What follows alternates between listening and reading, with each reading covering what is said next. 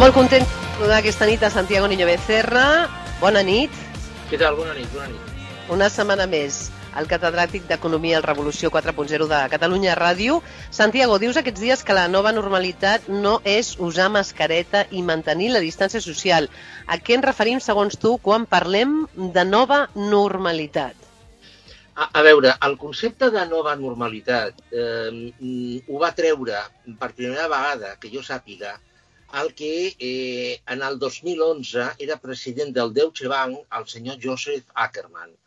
I eh, amb el concepte de nova normalitat es refereix a un món en el que la tecnologia tindrà una importància brutal, eh, que hi haurà desplaçament massiu de força de treball, és a dir, de persones, que eh, hi haurà una, eh, un, un, un escenari financer molt diferent perquè hi haurà moltíssimes fusions i absorcions bancàries, eh, que les corporacions seran molt potents, molt més potents del que són ara, etc etc.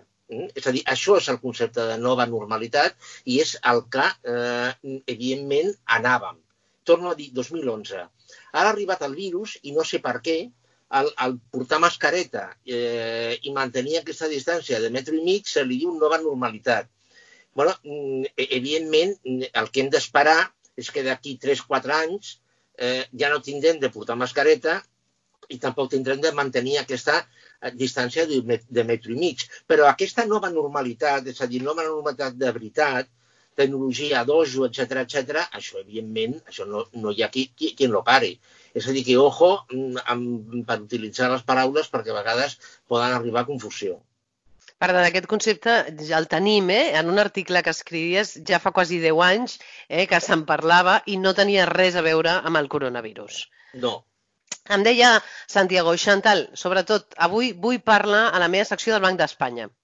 Sí, ahir el senyor governador del Banc d'Espanya va dir les seves mesures, les seves propostes de mesures per reduir el dèficit i el deute eh, d'Espanya en el moment que mm, eh, bueno, es superi aquesta fase de recuperació, en, en, entre cometes eh, diu que es tindria de, de seguir les recomanacions de l'AIREF en el, en, la, en el tema de pensions. Eh, recordem que eh, és prolongar l'edat de jubilació, prolongar, eh, agafar tota la vida laboral eh, per computar eh, la base de, de, sobre la qual se, se, es calcula la pensió, eh, passar a l'Estat tota la despesa de funcionament de la Seguretat Social, però mm, ha, i el subsidi d'atur també a l'Estat. El que passa és que, clar, mm, eh, estem, entre cometes, arreglant la Seguretat Social, el dèficit que té, però estem empitjorant el de l'Estat, perquè a l'Estat, evidentment, per fer front a, aquest, a aquesta despesa, tindrà de pujar impostos o reduïdes altres, altres despeses. Per altra banda, proposava també pujar a l'IVA eh, reduït, per exemple, les ulleres tenen IVA reduït, i eh, pujar l'IVA superreduït.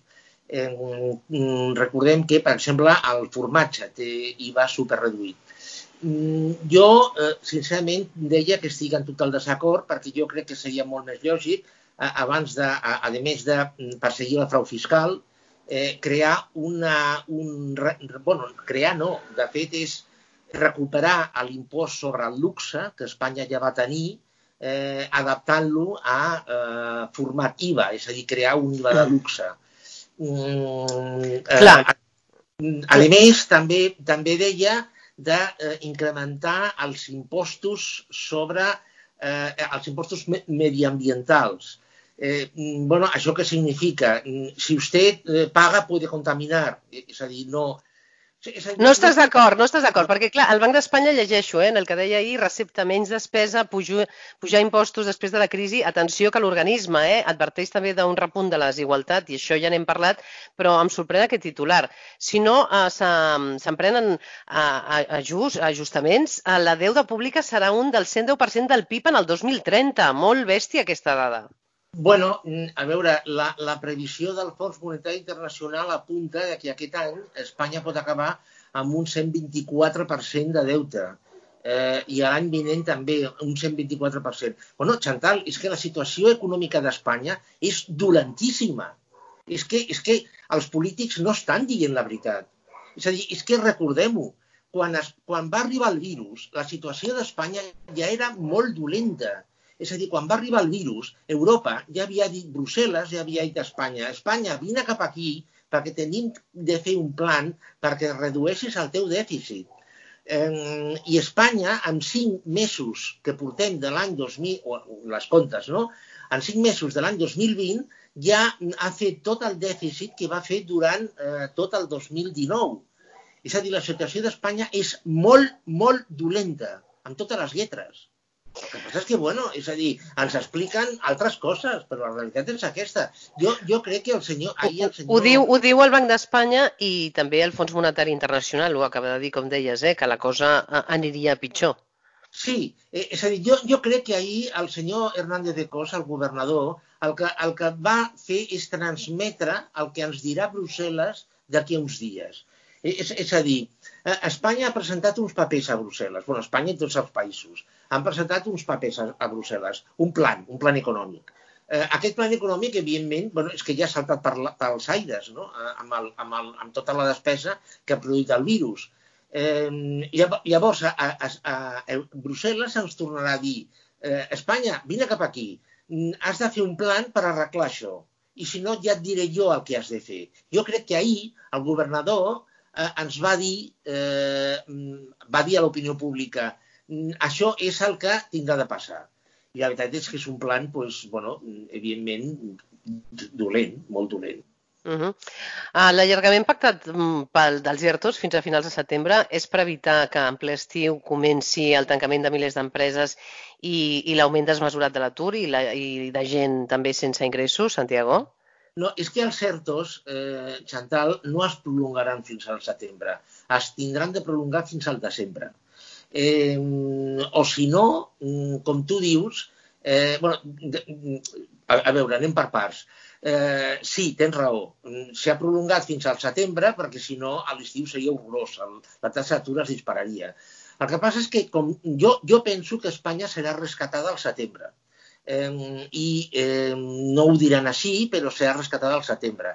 Llavors, és possible que eh, hi hagi una barreja de mesures excepcionals amb despeses ex excepcionals, prolongació de ERTOs fins al desembre amb unes certes circumstàncies i pujada d'impostos.